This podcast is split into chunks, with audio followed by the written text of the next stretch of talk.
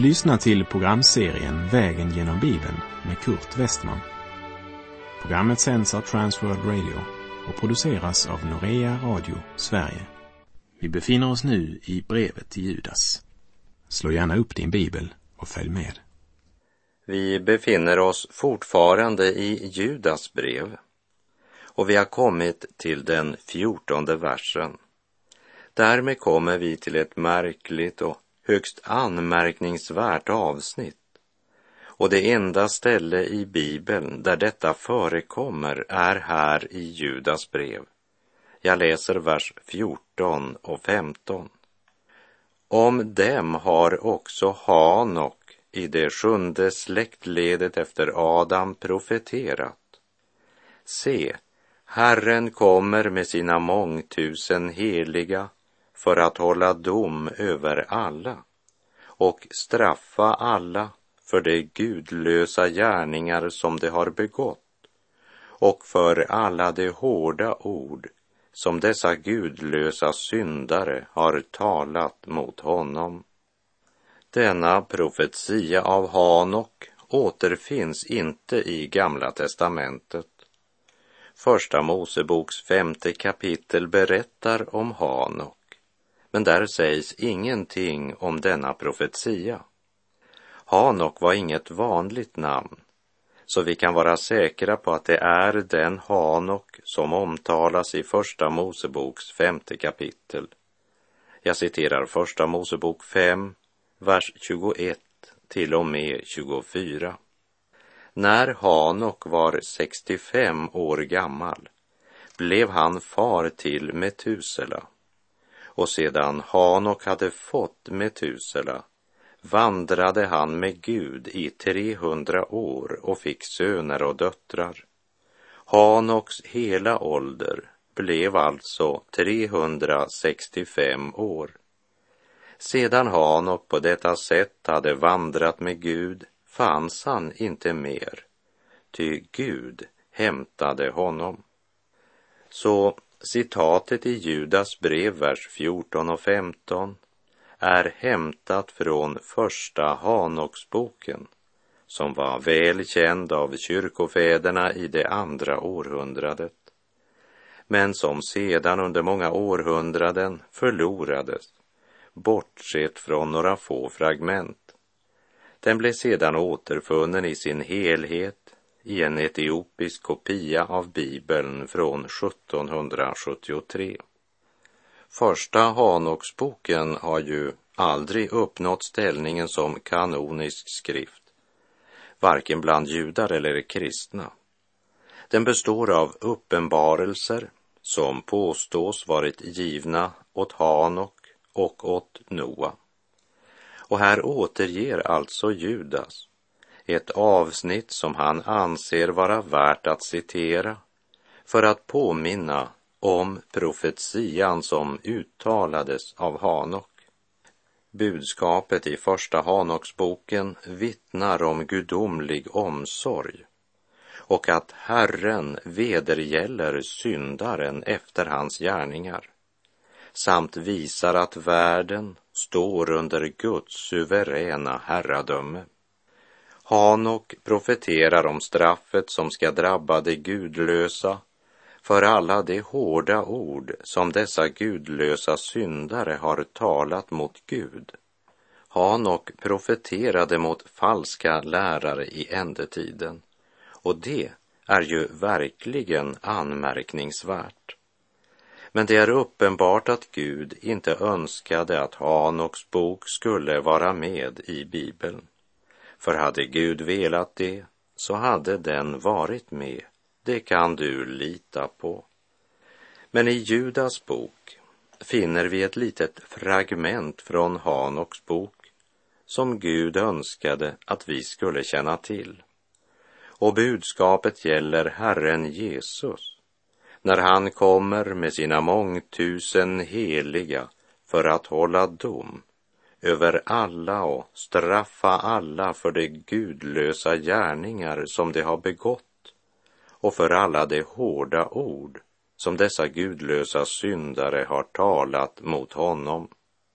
Vi vet från Första Mosebok att Hanok blev förvandlad, det vill säga han blev upptagen till Gud utan att dö.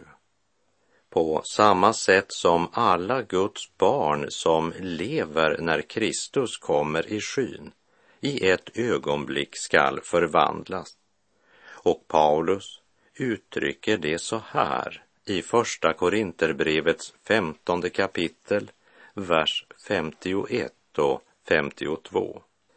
Se, jag säger er en hemlighet. Vi skall inte alla insomna, men vi skall alla förvandlas i ett nu, på ett ögonblick, vid den sista basunens ljud. Ty basunen skall ljuda och de döda skall uppstå odödliga och vi skall förvandlas. Varför skall vi förvandlas? Ja, Paulus förklarar det i nästa vers. Första Korinthierbrevet 15, 53 och 54. Ty detta förgängliga måste kläs i oförgänglighet och detta dödliga kläs i odödlighet. Men när detta förgängliga har klätts i oförgänglighet och detta dödliga klätts i odödlighet, då skall det ord fullbordas som står skrivet. Döden är uppslukad och segern vunnen. När Paulus ska tala om denna förvandling så inleder han med att säga, se, jag säger er en hemlighet. En hemlighet? Ja, det vill säga något som inte var uppenbarat i det gamla testamentet, men som nu uppenbaras i det nya testamentet. Och det är något som inte ett öga har sett och inte ett öra har hört och som inte har kommit från något människohjärta. Men för oss har Gud uppenbarat det genom sin ande. Alla som lever på syndens och dödens jord måste förr eller senare dö. Men det finns ett undantag från den regeln. Och det är den generation Guds barn som lever när Jesus kommer igen. Deras väg till förvandling är hemlighetsfull, säger Paulus. För det måste ske en förvandling. Det går ingen naturlig, obruten linje från det förgängliga till det oförgängliga. Vår nuvarande kropp och existens motsvarar inte alls den kommande världens härlighet. Det är något som måste dö eller försvinna. Det är något som vi måste bli avklädda och något som vi måste iklädas. Det finns många som säger att de hoppas att de lever när Jesus kommer tillbaka så att jag bara kan lyftas in i Jesu närhet och gå rakt in i härligheten, som en gammal dam sa. Men vare sig du blir lagt i grav eller lever när han kommer, så lyfts du inte in i härligheten utan förvandling. Paulus längtar också efter att få del i förvandlingen samtidigt som han känner oro inför avklädandet av sin jordiska kroppshydda. Ja, vi som bor i detta tält suckar tungt. Vi vill inte bli avklädda utan överklädda för att det som är dödligt ska bli uppslukat av livet, som han säger i Andra Korinthierbrevet 5. Hanok påminde redan på sin tid om människans ansvar och att det kommer en domens dag då var och en ska svara räkenskap för sitt liv, både tankar, ord och gärningar. Se, Herren kommer med sina mångtusen heliga för att hålla dom över alla och straff straffa alla för de gudlösa gärningar som de har begått och för alla de hårda ord som dessa gudlösa syndare har talat mot honom. När Kristus återvänder kommer han att fälla domen över synden.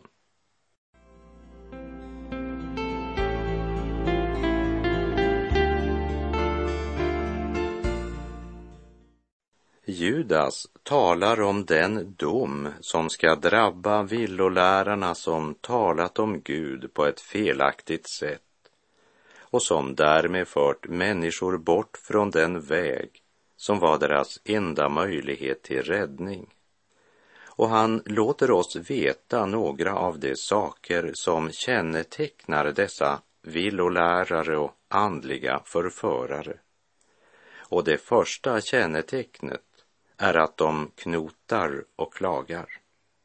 Judas brev, vers 16. De knotar och klagar och följer sina begär. De är stora i orden och smickrar dem de kan ha nytta av. Deras knot och klagan är nog inte så ofta uttalade högt så att det blir hört av andra mera ett surt muttrande över andra människor och över det som sker. Till exempel om det regnar när de ska på picknick eller om en kaffekopp ramlar i golvet och går sönder så säger de typiskt. Det vill säga underförstått anklagar dem Gud. Så gör han alltid. Han går hela tiden runt för att göra det surt för mig. Varje gång jag ska ha trevligt så är det något som går snett. Typiskt, säger de om alla former för motgång, stor eller liten, det knotar och klagar. Och Judas har något mer han vill nämna när det gäller falska lärare. Och det är att de följer sina begär. Och det kan alltså gälla både positivt och negativt. Det behöver inte alltid betyda omoral eller girighet. Men de följer sin egen vilja istället för att lyssna till Herrens röst och göra hans vilja. Det vill säga, det handlar om alla former för tankar, ord och gärningar som utelämnar Gud. Det kan vara en segelbåt, god musik, litteratur eller till och med religion i vilken de finner en viss tillfredsställelse. Men i sina hjärtan är de ändå modlösa. De är stora i orden, kaxiga och arroganta. De talar många och stora ord, ett vackert och utsmyckat språk utan att förmedla det ljus som skapar nöd över synden hos människan. Det får mig att tänka på de två EU-politikerna som möttes i en korridor. Och den ena frågade, vad sa du om det nya förslaget angående hjälp till fattiga utvecklingsländer? Ingenting, svarade den andre varpå den förste sa, ja, jag vet det, men hur sa du det? Judas varnar för andliga vägledare och undervisare som saknar ödmjukhet och som i sitt övermod inbillar sig att deras stora ord och självsäkra stämma är ett tecken på frimodighet. Men det är skillnad på Guds barns frimodighet i ödmjukhet och de falska lärarnas övermod och stora ord. Det smickrar dem som de kan ha nytta av, säger Judas. Med andra ord, deras fokus ligger hos människan och inte hos Gud. Och det handlar inte om ord som uppmuntrar, för det är ju något som både behagar Gud och uppbygger människor. Men smicker är något helt annat. det är ett dödligt gift som inte uppbygger utan uppblåser. Smicker är som kraftfoder för själviskheten. Paulus skriver så här till de troende i Rom, Romarbrevet 8, verserna 5 till och med 8. Det som lever efter sin kötsliga natur tänker på det som hör till köttet, men det som lever efter anden tänker på det som hör till anden. Köttets sinne är död, men andens sinne är liv och frid. Köttets sinne är fiendskap mot Gud. Det underordnar sig inte Guds lag och kan det inte heller. Det som följer sin syndiga natur kan inte behaga Gud. Sund uppmuntran uppbygger, men smicker uppblåser. Men Judas talar ju om sådana lärare som inte har herdesinnet och inte har omsorg för fåren, utan bara tänker på vilken nytta de kan ha, speciellt av några av dem. Och dessa som de kan ha nytta av smickrar det, smörjer egot, så att säga. Judas varnar för dessa som följer sina begär, är stora i orden och som smickrar dem som de kan ha nytta av. Vi läser Judas brev, vers 17 och 18. Men ni, mina älskade, kom ihåg vad som är förutsagt av vår Herre Jesu Kristi apostlar. Det sade till er i den sista tiden skall det finnas människor som hånar och följer sina egna gudlösa begär. Hånet består inte i ord, men i att de inte lever som de lär. De styrs helt av den mänskliga tankegången, beräknar spekulerar över vad som är smartast att göra i var situation. Men när de tror att ingen ser dem är de inte så noga med Guds heliga vilja, Guds fruktan, helgelse och en tro som är verksam i kärlek. Så här sa Paulus till de troende i Galatien, Galaterbrevet 5, vers 6. Ty i Kristus Jesus beror det inte på om vi är omskurna eller oomskurna, utan om vi har en tro som är verksam i kärlek. Judas varnar Guds barn och säger att de ska inte låta sig förvillas av deras stora ord och självsäkra hållningar, för de är inte drivna av Guds ande men av andligt övermod. Med andligt övermod följer ofta sexuell lösaktighet. Kom ihåg att detta är förutsagt av vår Herre Jesu Kristi apostlar, så det borde inte komma överraskande. Ni borde vara nyktra och vakna och granska vad som blir frukten av deras tal och hållningar. Vi ska hålla oss till Guds ord. Ordet är vår ledstjärna och vår enda auktoritet till lära och liv. Tillbaka till källan, vänner. Memorera Guds ord och praktisera Guds ord i ditt eget liv. Låt tron vara verksam i kärlek.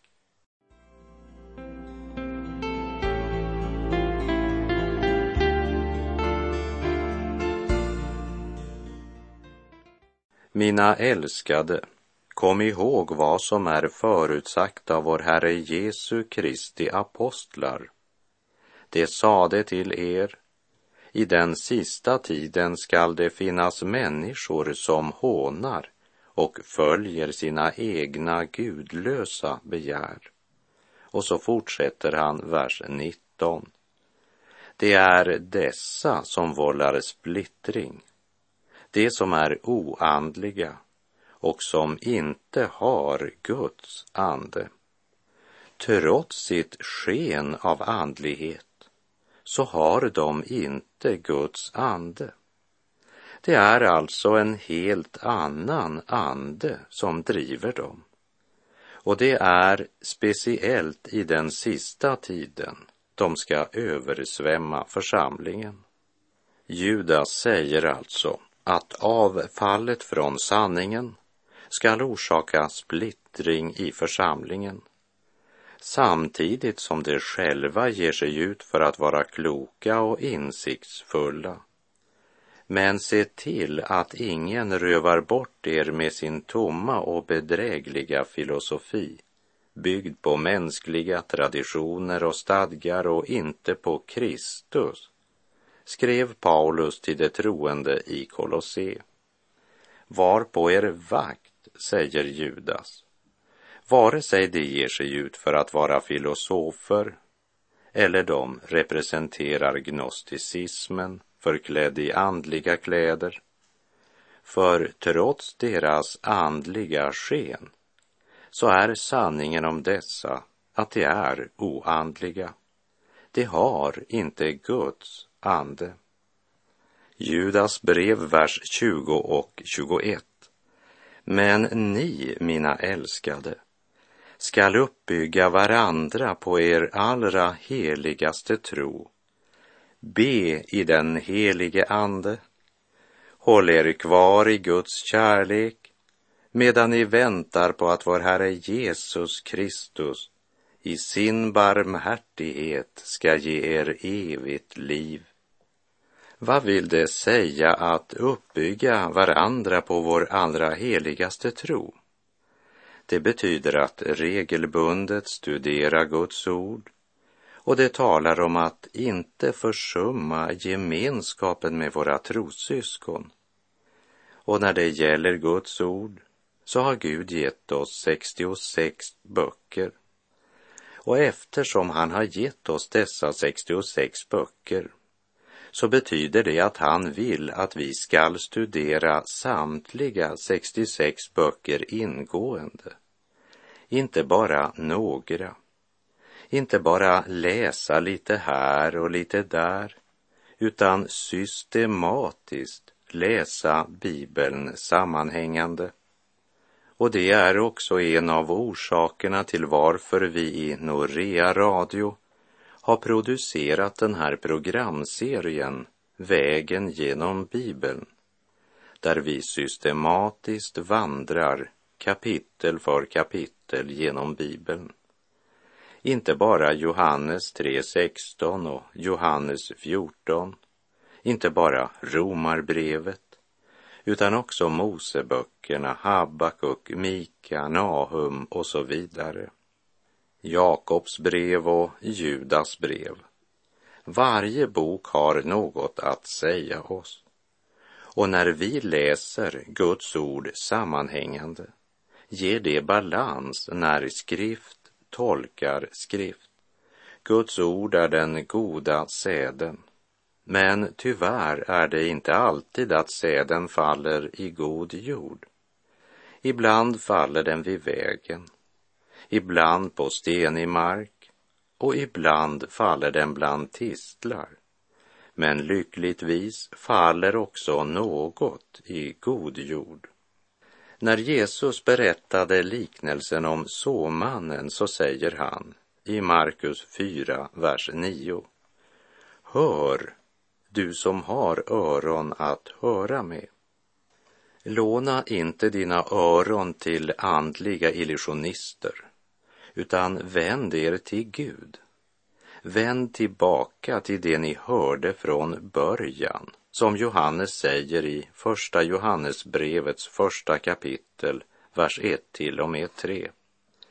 Det som var från begynnelsen, det vi har hört, det vi med egna ögon har sett, det vi skådade och med våra händer rörde vid. Om livets ord är det vi vittnar. Ja, livet uppenbarades Vi har sett det och vittnar om det och vi förkunnar för er det eviga livet som var hos Fadern och uppenbarades för oss. Det vi har sett och hört förkunnar vi för er, för att också ni ska ha gemenskap med oss. Och vår gemenskap är med Fadern och hans son Jesus Kristus. Vänd tillbaka till det ni hörde från begynnelsen. Och Judas drar i samma riktning när han säger Kom ihåg vad som är förutsagt av vår Herre Jesu Kristi apostlar. Vänd tillbaka till apostlarnas budskap. Vänd åter blicken mot Guds barmhärtighet. Vänd tillbaka till Guds nåd och kasta trons ankare där.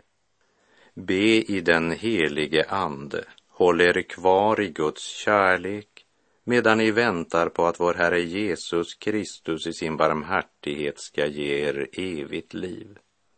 Efter att Paulus uppmanat de troende i Efesus att försöka förstå vad som är Herrens vilja säger han i Efeserbrevet 5, vers 18 och 19. Berusa er inte med vin. Sådant leder till ett liv i laster. Låt er istället uppfyllas av Anden så att ni talar till varandra med salmer, hymner och andliga sånger och sjunger och spelar för Herren i era hjärtan. Som en kontrast till alkoholen så skulle den helige Ande uppfylla och regera en kristens liv och vardag. En gudomlig beruselse som får helt motsatta yttringar.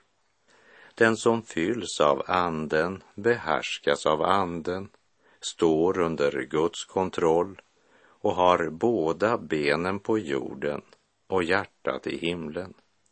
Så det handlar inte om extrema känslomänniskor eller om någon religiös suggestion, men om något som utrustar oss med kraft till att vara hans vittnen och vandra i ljuset. Be i den helige ande, uppmanar Judas, och han uppmanar dem att leva kvar i Guds kärlek.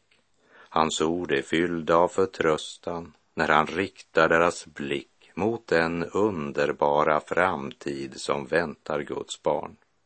Och så avslutar han sitt brev med denna kärleksförmaning som är ett konkret exempel på vad det vill säga att leva kvar i Guds kärlek. Sådana som tvivlar ska ni vara barmhärtiga mot och frälsa genom att rycka dem ur elden. Mot andra ska ni också vara barmhärtiga, dock med fruktan, så att ni till och med avskyr deras livklädnad som är nersmutsad av köttet. Han som förmår bevara er från fall och ställa er inför sin härlighet fläckfria och jublande, den ende guden, vår frälsare, genom Jesus Kristus, vår Herre.